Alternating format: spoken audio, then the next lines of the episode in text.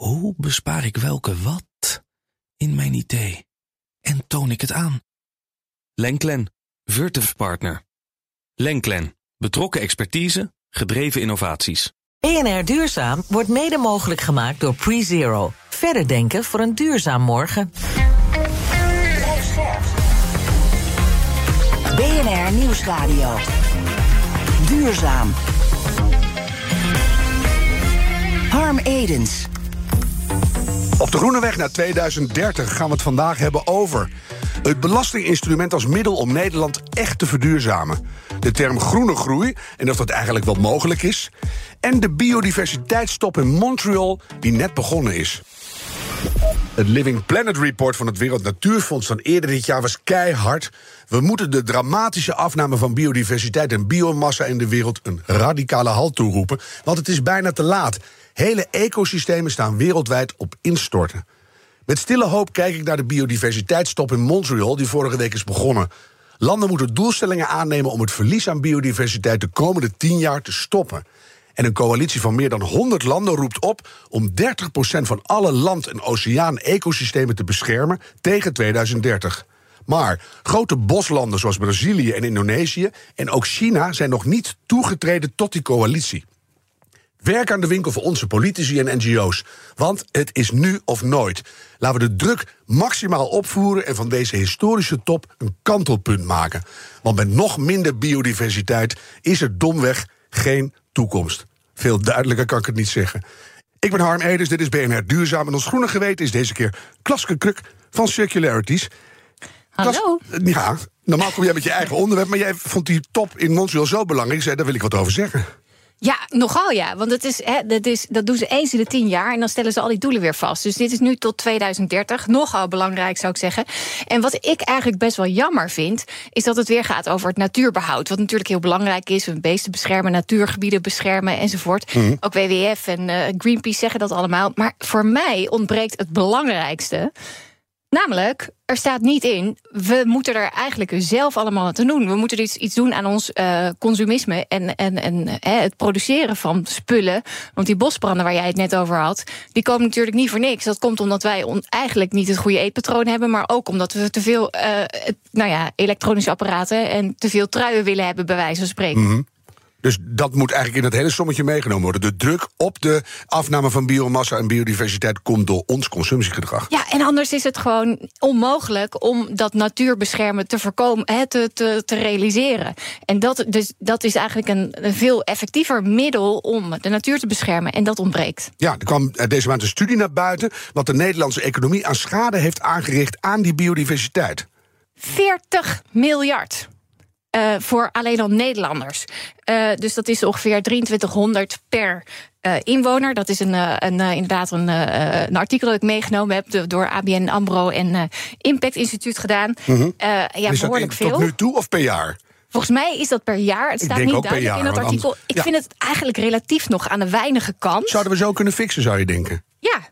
Ehm, en eh, nou ja, dat, dat is natuurlijk echt wel een heel erg heftig eh, eh, signaal. Eigenlijk ook omdat onze economie hè, voor de helft financieel alleen al afhankelijk is van ecosysteemdiensten. Vergeten we. hè? Dus we denken, Ja. dat ecosysteem, natuur is een soort luxe... die leuk is voor de bij.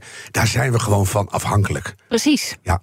Wat is jouw oproep aan bedrijven en mensen thuis? Hoe gaan we dit oplossen? Nou, ik denk dat dit zelfs een prachtig bruggetje is naar onze hoofdsprekers toe. Ehm, maar wat mij betreft moeten sowieso producenten heel erg in kaart gaan brengen wat hun milieu-impact is, maar vooral ook wat hun effect daar op biodiversiteit is. En ons als consumenten ligt ook een hele grote taak klaar, namelijk ook je bewustzijn van dingen die je koopt. Dus verder dan alleen groente en fruit en eten, maar ook dus je kleren en, en je elektrische apparaten te kijken wat het is. En we moeten misschien inderdaad ook echt afstappen van dat BBP, want ook dat gaat onze biodiversiteit enorm vooruit helpen. BNR Duurzaam. In het Nederland van 2040 krijgt de natuur alle ruimte, zijn we gestopt met fossiele brandstoffen en is de welvaart op peil gebleven. Dat beeld schetsen de auteurs van het boek Er is leven na de groei. En ook best handig, ze vertellen daarbij hoe we daar kunnen komen. Econoom Paul Schendeling schreef het boek samen met een schrijverscollectief. Een van de mede-auteurs is Rob van der Rijt van Klimaatplein. En ze zijn alle twee hier. En dat is fijn. Eh, mannen, of is het heren? Wat is tegenwoordig de juiste woke aanspreekvorm? Jongens. Jongens. Jullie stellen, en ik vind het wel mooi om mee te beginnen. Groene groei, dat is eigenlijk een onzinterm. Ja, als we daar eens mee beginnen. Ja, groene groei, dat betekent we gaan de economie vergroenen... en we laten de economie groeien tegelijk. Nou, het was een prachtige vorm van wensdenken... maar helaas, de wetenschappers zeggen... er is geen wetenschappelijk bewijs voor. Nee, en toch hoor je dat overal. Hè? Beleidsmakers in de hele wereld, altijd groene groei, klinkt goed. CEO's van veel multinationals, die hebben het echt over niks anders. Ik kan het wel raden, want dan lijkt het alsof we door een beetje groen te doen gewoon door kunnen gaan. Klopt, ja, maar die, die ontkoppeling tussen economische groei en druk op milieu, die is nog nooit aangetoond.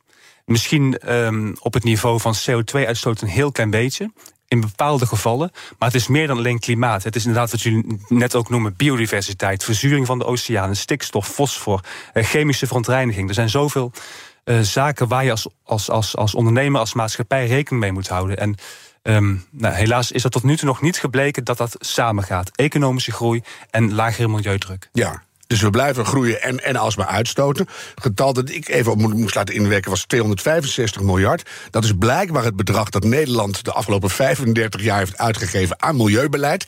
En, en dat is heel goed gelukt, want de milieuproblemen zijn alleen maar groter geworden. Ja, ja, het is bijna gênant. Ja, toch is het wel waar. 265 miljard, dat is 950 euro per huishouden per jaar... geven we uit aan milieu- en klimaatbeleid. De CO2-uitstoot is gecorrigeerd voor import uit, vooral China natuurlijk... met slechts 8% gedaald. En mhm. alle andere indicatoren die Rob noemde, of het nou materiaalgebruik is, landgebruik, watergebruik, uitstoot van toxische stoffen, is allemaal erger geworden. Dus het heeft niks opgeleverd. Nee, dus we focussen nu ook heel erg op CO2, hè? En dat lukt al niet. Maar de, hele bak ellende die erachter zit, daar hebben we het nog niet eens over. Dus jullie lachen er nog bij, maar waarom eigenlijk? Jullie stellen in het boek: verschuif de belasting van arbeid naar consumptie. Wat hebben we daaraan en hoe ziet dat eruit, Paul? Nou, het zou echt gigantisch schelen als we dat gaan doen. Misschien met een klein voorbeeldje om het uit te leggen. We boeken ontzettend veel milieuwinst in productieketens. Dat is echt supergoed. Dat doen we door middel van technologie. Bijvoorbeeld brandstofmotoren worden efficiënter. Eh, we gaan minder materiaal gebruiken voor een, eh, voor een boterham enzovoort. Maar helaas wordt die milieuwinst aan de productiekant van de economie telkens ongedaan gemaakt door meer consumptie. En de enige manier om het echt effectief te maken, om echt effectief te vergroenen, is als we en die technologische winst blijven pakken mhm. en tegelijkertijd consumptiepatronen gaan verschuiven van vervuilende naar minder vervuilende vormen van consumptie. Ja. En daar helpt dus die belastingmaatregel bij. Want als we de belasting op arbeid verlagen, arbeid wordt goedkoper, mensen houden meer geld over aan het einde van de maand. Mhm. En belasting op de vervuilende vormen van consumptie, die maken we hoger. Die, die kant snap ik. Hè? Dus de vervuiler betaalt ook voor de consumenten. Dus wil je iets heel smerigs doen, gaat geld kosten. Maar waarom heb ik daar dan minder arbeidslasten voor nodig? Want dan zou ik zeggen, ik hou meer over, dus ik ga weer lekker meer consumeren. Nou, we moeten dit met elkaar doen. Hè. We hebben eigenlijk de hele samenleving nodig om deze transitie naar een postgroeisamenleving te maken. We hebben ondernemers nodig, consumenten, burgers, bedrijven, overheden. En om iedereen mee te nemen, moeten we ervoor zorgen dat deze maatregel voor 90% van de mensen inkomensneutraal is. En hoe doe je dat? Door parallel met het verhogen van de belasting op de vervuilendste vormen van consumptie, de mhm. belasting op arbeid te verlagen. Bovendien zorgt het er ook voor dat de werkgelegenheid op peil blijft. Echt super belangrijk. Als de economie minder hard gaat groeien, wil je wel dat de werkgelegenheid op peil blijft. En daar zorgt de maatregel ook voor. Ja, en ook in een circulaire economie heb je gewoon meer handen nodig. Dus gewoon meer arbeid te verrichten. Dus als je dat goedkoper maakt, dan kan je makkelijker die kant invullen. Ja, ook voor ondernemers is het natuurlijk belangrijk. Hè? We gaan straks van eh, wat minder produceren, omdat we langer met onze producten gaan doen. We gaan ze ook duurzaam produceren. Maar we gaan veel meer delen en repareren. Daar heb je handjes voor nodig. Die handjes worden in ons voorstel goedkoper. Ja, nou snap ik de, de balans in het hele voorstel. Rob, maar geef je mensen dan een soort uh, persoonlijk CO2-budget? En zo van dat mag jij opstoken of krijgen ze een extra boete als ze iets raars doen? Nou, ik denk als je naar ondernemers kijkt, dan, dan zou ik als ondernemer wel mezelf gaan afvragen van wat wordt mijn missie? En die missie die moet gaan over ecologische en sociale problemen oplossen. Mhm. Eh, vroeger hadden we het altijd over people, planet en profit. Nee, die profit die moet weg. Het gaat over, draagt mijn bedrijf bij aan people, en planet. Ja, maar dan zit je weer aan die ondernemerskant. Terwijl we willen met jullie boek ook naar de consumptiekant. Helpt dan een CO2-budget? Uh, eh, CO2-budgetten, ja, je zou op een gegeven moment kunnen nadenken van dat vliegen. Hè? Moet je mensen maar continu laten vliegen of moet je daar een bepaalde cap op zetten? Ja één keer per vijf jaar schriftelijke aanvragen met een goede motivatie. Dat had ik zo bedacht. Klasko, hoe luister jij tot nu toe naar dit verhaal? Ja, ik vind het echt wel mooi en heel erg goed. Het, het voelt eigenlijk ook wel heel erg als mijn vakgebied. En zoals jullie weten, dat is circulaire economie. Er staat overigens een klein foutje in jullie boek. Op bladzijde 41 staat Oh, dat de oh, circulaire economie... er- Ja. dat, die, dat die circulaire economie dus daarom niet bijdraagt. Terwijl eigenlijk alle voorbeelden die jullie noemen... zijn circulaire economie. Hè. Dus eh, de hoogste R op de R-ladder is natuurlijk het stoppen met overconsumeren... en daarna repareren, tweedehands gebruiken... betere kwaliteit, langer producten die langer meegaan. Dus ik vind het fantastisch dat dit zo goed is uitgedrukt. En het is mij al heel veel langer een doorn in oog... dat die consument eigenlijk helemaal niet aangesproken wordt. Terwijl daar liggen nou juist zo heel veel kansen. En ik geloof echt dat daar eh, heel veel te doen is. Ja, nee, dat, dat is inderdaad precies de handschoen die we willen oppakken. We moeten dus blijven doen wat we doen. Dus ook aan de productiekant technologie inzetten. Ook de overheid kan daar maatregelen nemen. Emissiehandel, CO2-belasting enzovoort. Maar juist consumptiepatronen moeten we met elkaar gaan veranderen... om echt impact te gaan maken. Precies. Ik hoor steeds meer, eh, ik noemde het net al even... v- heel veel andere economen die zeggen ook... CO2-heffing is toch een goed idee, of CO2-rechten. Waarom is het toch zo moeilijk om dat gewoon eens lekker versneld door te voeren nu? Nou, dat, ik heb wel eens gevraagd aan politici, maar ook aan wetenschappers die over deze ideeën hebben nagedacht. Van wat zorgt nou voor de meeste weerstand? Ja, dat is toch dat er dan eh, ondernemers zijn die heel sectoraal gaan kijken. Wat betekent dit voor mijn eigen sector? En het bredere belang van alle ondernemers samen uit het oog verliezen. Dus als je een belasting verschuift naar vervuilende vormen van consumptie, dan gaan toch mensen heel snel kijken wat betekent dat voor mijn eigen sector. Terwijl misschien per saldo het voor alle ondernemers beter is om dit te gaan doen. En ik zou dus eigenlijk willen oproepen: kijk over je eigen sector heen. Voor alle ondernemers samen is dit goed nieuws. Voor de planeet is het goed nieuws. Laten we het daarom wel gaan doen. Het moet wel, hè? Ja, ik weet je wat, wat ik wel eens heb als ik dit voorstel. Hè, als ik hou heel veel lezingen en dan zeg ik ja, misschien moeten we dus ook wel eh, minder gaan consumeren of anders gaan consumeren, ander economisch systeem. Ehm, en dan, zeg, dan heb ik heel erg het gevoel, en ik ben benieuwd hoe jullie daar dan mee omgaan, dat, dat het heel erg komt aan mensen hun identiteit, hun wereldbeeld. Weet je, je bent, we zijn allemaal opgegroeid in een systeem waar het cool was om hard te werken, veel geld te verdienen, vaak op vakantie te gaan, veel auto's onder je kont, hè, eh, veel te kunnen kopen.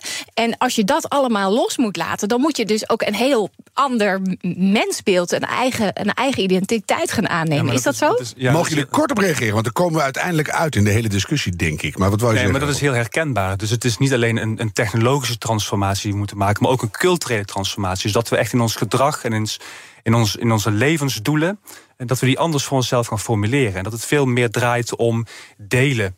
Eh, inderdaad, repareren, eh, elkaar helpen. In plaats van ik moet zoveel mogelijk materie hebben, want daarmee voel ik me gelukkig. En zou je daar dan ook je nieuwe status uit kunnen halen? Zeker, ja, tuurlijk. Kijk eens, ik heb een retrofeun.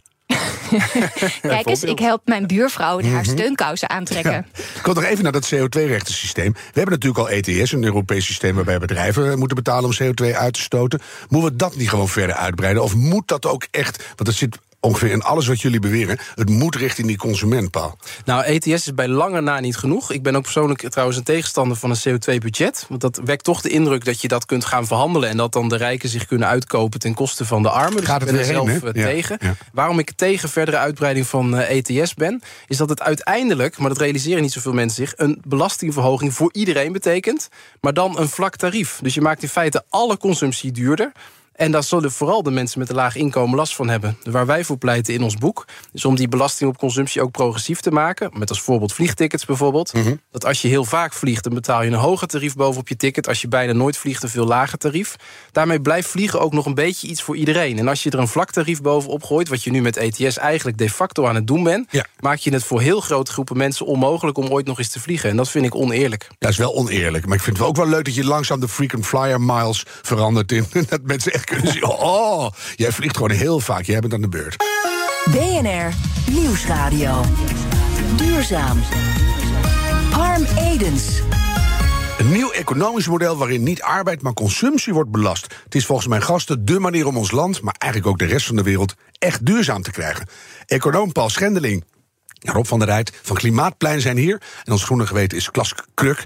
Ehm, kunnen we in Nederland voorop gaan lopen met zo'n nieuw economisch systeem? Of is dat eigenlijk iets wat je meteen eh, op zijn minst Europees moet invoeren? Nou, je kunt echt al een heel eind komen. Dus een groep fiscalisten van de X-Tax Project... die hebben uitgerekend dat je nu al, dus zonder rekening te houden... met andere Europese landen, 32 miljard aan belasting kan verschuiven... van arbeid naar consumptie. Dat is echt een fors bedrag. Daarna zul je ook met elkaar moeten gaan nadenken... kunnen we in Europees verband samen met elkaar optrekken. Ja, dus we, we zouden gewoon het beste jongetje van de klas eindelijk eens kunnen gaan zijn, Rob. Ja, absoluut. En ik denk dat we de innovatiekracht hebben in Nederland... en ook het ondernemerschap om zoiets voor elkaar te krijgen. Ja, nou stel even dat al die Europese regeringsleiders ineens ook het licht gaan zien. Het moet toch een keer gaan gebeuren. En dat we met elkaar dan die heffing op consumptie eh, gaan doen in combinatie met lagere belasting op arbeid. Wat zou dat betekenen voor bedrijven die producten maken bijvoorbeeld? Want die zien de bijl een beetje hangen. Het voornaamste effect gaat zijn dat eerst het consumptiegedrag gaat veranderen. Dus mensen zullen echt gaan stemmen met de voeten. Dus ze zullen meer gaan nadenken: heb ik het product echt nodig? En als ze een product nodig hebben, zullen ze gaan nadenken: hey, heeft dit product wel een lange levensduur? Het wordt immers in de aanschaf wat duurder om een product te kopen. Ja. Bedrijven kunnen daarop inspelen door allemaal prachtige lease-modellen van producten in de markt te zetten, waardoor voor de consument duidelijk wordt. Eh, per maand is dit product goedkoper, want het gaat veel langer mee. En dus ook andere manieren van financiering vanuit de producenten. Want anders kan Ja. niemand het meer aanschaffen. Dus een beetje helpen in het begin. En dan langzaam kunnen we. Kunnen wasmachines gewoon 60 jaar mee, hè, schijnt. En, en zo wordt eindelijk een groen verdienmodel rendabel. Want nu ben je altijd afhankelijk van overheidssubsidie. Wil je een groen verdienmodel omarmen? Met een belasting op consumptie gaan mensen stemmen met de voeten. En wordt eindelijk de wasmachine die het langste meegaat... ook echt het best Ja. verdienende model. Maar ik kijk even naar jullie alle drie nu, want Klaske die weet hier ook veel vanaf. Ehm, dan, dan hoor je die, eh, die producenten al denken... ja, maar dan moet ik echt heel erg ver vooruit denken. Ja, dat ga ik niet doen, ik kijk naar volgende week. Hoe, hoe krijgen we die lange termijnvisie erin? Ik denk dat wanneer je zo'n verschuiving van belasting toepast, dat dan ondernemers op een hele andere manier gaan ondernemen. En dus producten gaan maken die veel langer meegaan, die veel makkelijker zijn te repareren, eh, die een langere garantietermijn ook eh, hebben, omdat, ze, omdat je gewoon als producent ook weet, dit product gaat heel lang mee. Ja, En, en wat je ook al ziet, hè, de markt, we denken heel vaak dat de markt eigenlijk liever geen regels of andere systemen wil hebben. Maar dat is helemaal niet zo. Dus die markt en die, hè, die bedrijven zelf, die zeggen ook: alsjeblieft, doe ons wat regels. Ja. Want dan kunnen we met een eh, gelijk level playing field, zoals dat zo gaaf heet, hè, allemaal eh, aan de bak. En dan hebben we intern ook geen gedoe meer over: moet het nou wel of niet? Hebben we er genoeg tijd of geld of middelen voor over? Nee, het is gewoon iets wat gewoon alleen al financieel rendabel is. Dus En iedereen snapt- gaat er rekening mee En houden. je snapt welke kant je op gaat. Het lijkt me ook zo lekker als je onderneemt. Jullie hebben een paar voorbeelden genoemd van bedrijven die dat al heel goed doen, hè, Paul? Ja, we hebben case studies gemaakt. We, hebben natuurlijk, we proberen met ons boek echt gewoon een heel brede groepen aan te spreken. We hebben ook bewust gewerkt met 15 mensen uit 11 verschillende politieke partijen om dat te doen. Ja, heel verstandig. Zo breed mogelijk Ja. insteek. Je ziet dat dit zowel van links als van rechts op steun kan rekenen. Ja, omdat tof. het ook een voorstel is met een balans daarin. En we hebben uiteraard ook met ondernemers gesproken en gevraagd van wat zou jij nou ervan vinden als we dit zouden gaan doen. En je ziet inderdaad, wat Klasko ook zegt, ondernemers gaan meteen vooruitdenken. Hé, maar wacht eens even, dit verdienmodel wat ik nu nog niet kan doen, omdat Mhm. het gewoon zich niet uitbetaalt. Vervuilende producten zijn altijd duurder in de winkel. Ja. Kan dan ineens wel. Maar noem eens een voorbeeld. Wie doet het al een beetje goed? Nou, we hebben een mooi voorbeeld in ons boek eh, Emma Safety Footwear. Die maken bedrijfskleding, specifiek maken ze dus schoenen. Ja, die zijn hier ooit geweest, een paar jaar geleden. Die waren echt super duurzaam. En toen kreeg ik Ja. ook een paar duurzame schoenen met stalen neus. En dacht ik, wat moet ik ermee? Dus die heb ik eh, in een- aan een plaatselijke stratenmaker ge- gedoneerd. Die was heel blij. Dus ja, maar die, die doet het goed. En dat is een van de bedrijven, wat Klaske ook aangeeft, die actief erom vragen om meer regelgeving. Dat is trouwens een, een middenbedrijf. Maar er zijn ook grote bedrijven zoals DSM en Unilever die al jaren vragen om meer, eh, meer belastingmaatregelen van de overheid om een level playing field te creëren. Ja, nou komen we bij de hamvraag. Want ik zei het een beetje in mijn inleiding. Met behoud van welvaart kunnen wij deze hele duurzame transitie gaan doen. En dan denk ik, ja, hoe moeten we dat zien? Want iedereen denkt natuurlijk, nu kan ik nog wel op vakantie. Kan ik nog wel even lekker shoppen in Barcelona. En eh, d- daar zit vast een, een, een semantisch addertje onder het gras. Nou, het eerlijke verhaal is dat als je naar de top drie kijkt van de meest vervuilende consumptiecategorieën, dus dan gaat het over spullen, eh, mobiliteit en over wonen, dat het eigenlijk bij alle drie die categorieën zo is dat je precies dezelfde functionaliteiten behoudt. Je kunt nog steeds die wasmachine kopen, die vaatwasser enzovoort. Je kunt nog steeds van A naar B komen. Je kunt nog steeds je huis verwarmen, maar het zal vooral op een andere manier gebeuren. Er zijn echt maar enkele categorieën. Ik denk eigenlijk heel specifiek aan dierlijke eiwitten en vliegen, Ja. waarvan we echt ietsje minder moeten gaan doen. Dat zijn eigenlijk de uitzonderingen. Bij heel veel dingen kan het vooral heel veel slimmer en op een circulaire, duurzame manier. En moet het vooral anders en niet minder. En dan kijk ik weer even naar Klaske met ons biodiversiteitsbegin. En dat we zeiden, we consumeren gewoon eh, overal veel te veel. Ik hoor nu dat het eigenlijk wel meevalt als we het anders gaan doen. Nou ja, het betekent uiteindelijk ook wel dat je dus minder gaat kopen, maar dat je dat dus op een andere manier gaat doen. Hè? Dus eh, als je iets hebt, als bijvoorbeeld, dat is ook een voorbeeld uit het boek, en er staat Patagonia. Nou, die jas die kan je bij wijze van spreken aan je achterkleinkinderen nog geven, want je hebt een levenslange garantie erop zitten. Hè? Dat betekent wel dat je niet elke, elke maand een nieuwe regenjas Ik heb een paar kopen. sokken, levenslange garantie. Ik werd zo blij toen ik ze kocht. Precies, Ja. dus, hè, dus, dus je gaat minder vaak shoppen. En dus we gaan minder de natuur uitputten. En dus onze biodiversiteit gaat Dus niet dat- uitkloppen enzovoort. En ons leven wordt een heel stuk leuker op heel heel veel andere manieren. Ja, Want dus- dat is natuurlijk het gebrekkige plaatje waar ook in de media nu heel erg op gefocust wordt. We moeten minder gaan consumeren. En iedereen die gebrainwashed is van nee, maar dan word ik dus ongelukkig. Vergeet het andere kant van het verhaal. En dat is namelijk, we krijgen er eh, gezonde lucht voor terug, water, bodem enzovoort. Je krijgt er eh, eh, meer, minder ongelijkheid, minder eenzaamheid, minder enzovoort. Weet je, er zit, zit een ongelooflijk positieve kant aan. Ja, dat- en dat leren we weer. ook vertellen. Ja, en dat leren we op een nieuwe manier ook weer consumeren. En daar word je ook weer heel blij van. Hè? En dat is een onuitputtelijke bron. Ja, Sandra Philippe van ABN AMRO die zei een paar weken geleden hier... dat ze zich zo- grote zorgen maakt over de sentimenten in de samenleving. Dat als we dit soort fundamentele dingen gaan verschuiven... dat heel veel twijfelende mensen dan harder met hun hak in het zand gaan staan. Het boek ligt er nu. Hoe, hoe gaan we nu beginnen? Hoe gaan we de, de overheid zover krijgen dit in te voeren? En hoe krijgen we dan al die mensen mee? Nou, heel veel mensen hebben gewoon nu te maken met conflicterende gevoelens. Dus ik ken echt bijna niemand die zich niet enorme zorgen maakt over milieu, het klimaat, over onze kinderen en kleinkinderen. En die tegelijkertijd zo'n stemmetje in het achterhoofd heeft. Wat betekent dit voor onze welvaart? En hoe ga je mensen meekrijgen? Door te schetsen hoe Nederland er in 2040 uit kan zien en wat we dan allemaal behouden hebben. Ook wat ik al zei, heel veel functionaliteiten in het leven zullen we gewoon kunnen voortzetten. Zij het dat we minder vaak iets nieuws kopen, maar nog steeds zullen we gebruik maken van al die spullen. En juist door die, door die angst weg te nemen bij mensen, Dat is mensen over het. eh, Angst wegnemen. Ja. Ja. want anders dan, dan doen we helemaal niks meer. En zou je ook kunnen zeggen dat we uiteindelijk dan, eh, door dit allemaal te doen, automatisch ook eh, innerlijk gaan groeien? Dus een nieuwe welvaartsbeleving gaan maken. En dat dingen die gewoon echt heel smerig zijn, dat die versneld gaan krimpen. Want dat, uiteindelijk gaat het daarom. Hè? Ja, Maar dat is ook wat, wat, waar we het net over hadden, hè, over dat begrip welvaart. En het gevoel en het begrip dat je daarbij hebt. Ik denk dat we daar gewoon heel anders over moeten gaan denken. En dat die cultuur.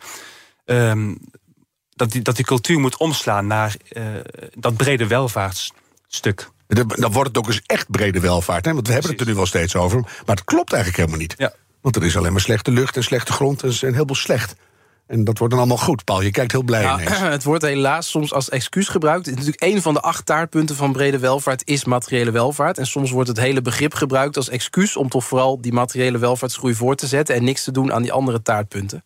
Paul Schendeling en Rob van der Rijt, zij schreven met nog tien andere mensen... laten we dat niet vergeten, het boek Er is leven na de groei. Dank jullie wel. Klaske, wat onthoud jij en wat vertel je door? Nou, wat voor mij nog wel eh, ook echt heel leuk in het boek uitgelegd was, was bijvoorbeeld waarom dat ETS-systeem wat minder goed werkt. En dat het bijvoorbeeld, eh, hè, waarom dat ongelijk ook is voor Hongarije en Nederland enzovoort. Dus dat vind ik echt wel eh, zelf ook wel weer een eye-opener. En wat ik natuurlijk vanavond en al mijn vrienden ga vertellen, is dat ze dat boek moeten gaan lezen. Ja, dat vind ik voor iedereen die luistert nu. Lees dat boek. Dankjewel, Klaske Kruk. Dit was BNR Duurzaam, de groene weg naar 2030. Laten we die met z'n allen nemen. En een beetje doorlopen graag. De tijd van treuzelen is voorbij. BNR Duurzaam wordt mede mogelijk gemaakt door PreZero. Verder denken voor een duurzaam morgen.